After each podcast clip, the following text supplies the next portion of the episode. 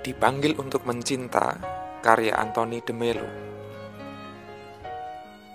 Jangan menoleh. Lukas 9 ayat 62 berbunyi demikian.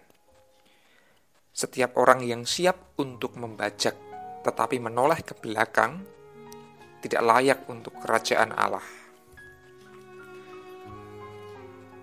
Saudara-saudara, kerajaan Allah adalah cinta. Apa artinya mencintai? Mencintai berarti peka terhadap kehidupan, terhadap orang lain, terhadap segala sesuatu. Mencintai berarti menaruh simpati tanpa perkecualian. Saat kita mengeraskan hati, kepekaan kita pun mati. Saudara-saudara, tidak terlalu sulit untuk menemukan contoh-contoh kepekaan dalam kehidupan kita. Pernahkah kita berhenti untuk memindahkan batu atau paku di tengah jalan supaya orang yang lewat tidak terluka? Saat itu, kita tidak peduli apakah tindakan kita itu diketahui orang atau tidak. Apakah ada penghargaan untuk kita atau tidak. Kita tidak peduli. Kita melakukannya hanya karena kebajikan dan kemurahan hati. Seperti itulah cinta.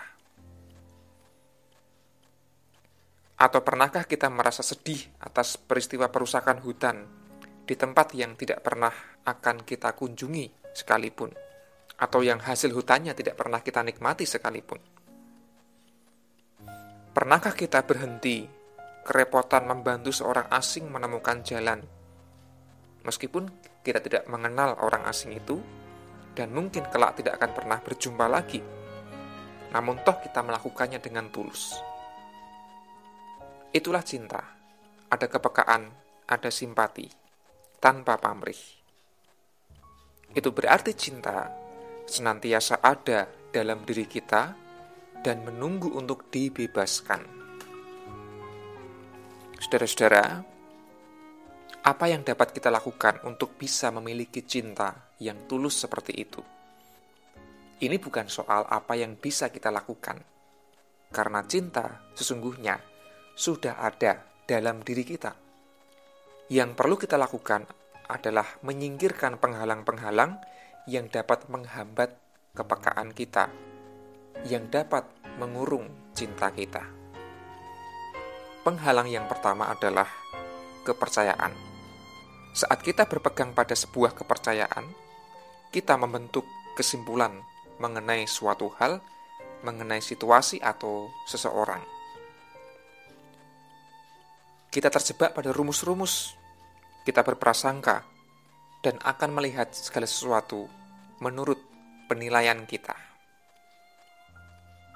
Dengan kata lain, kita tidak bisa melihat sesuatu atau seseorang itu dengan tulus lagi, dengan penuh simpati, karena sesuatu atau seseorang itu sudah dikategorikan dalam rumus-rumus kepercayaan kita.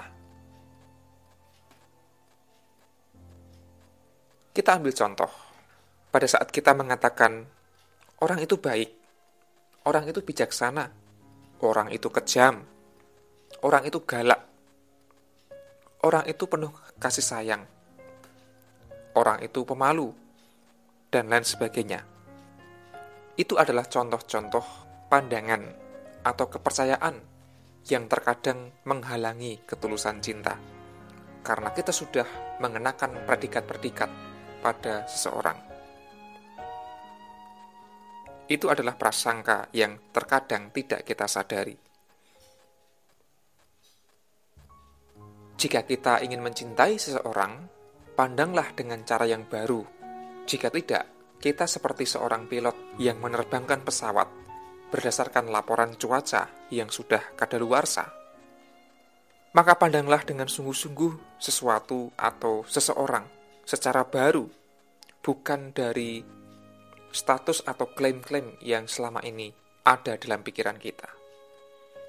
Dengan menyadari demikian, kita akan bisa membebaskan cinta untuk terwujud dalam kehidupan kita. Penghalang yang kedua yaitu kelekatan. Bagaimana kelekatan terbentuk? Mulanya, manusia memiliki hubungan dengan sesuatu yang memberikan kegembiraan kepadanya. Entah kendaraan, entah peralatan canggih, entah harta, entah kata-kata pujian, entah nama baik, entah persahabatan, dan lain sebagainya. Kemudian, timbul keinginan untuk mempertahankan sesuatu itu, untuk mengulang perasaan senang yang disebabkan oleh hal-hal tersebut. Akhirnya, timbul keyakinan dalam diri kita bahwa kita tidak bisa bahagia kalau sesuatu itu atau seseorang itu tidak ada bersama kita. Maka, segala objek kelekatan itu haruslah ditinggalkan. Dalam arti, kita tidak lagi bergantung pada sesuatu atau seseorang dalam rangka menemukan kebahagiaan.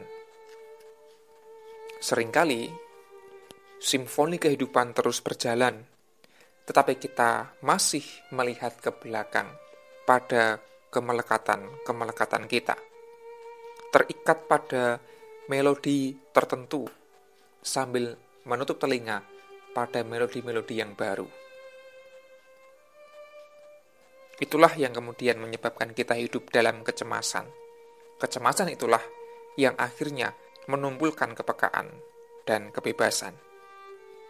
Saudara-saudara, lantas bagaimana kita bisa melepaskan diri dari kelekatan agar kita tidak selalu menoleh ke belakang? Orang mencoba melepaskan kelekatan itu sering kali melalui penolakan atau penyangkalan. Hal ini tidak mungkin. Lalu bagaimana caranya? Dengan jalan mengamati dampak negatif dari kelekatan itu. Dengan kelekatan, bukankah ada kecemasan, dan ada ketakutan yang senantiasa menyertai manusia. Bila seseorang terikat pada kekuasaan, pada uang, pada kemakmuran, pada kemasyuran, pada kesuksesan, dan pada pujian-pujian dari orang lain, seolah-olah kebahagiaan bergantung dari perlakuan-perlakuan orang lain itu.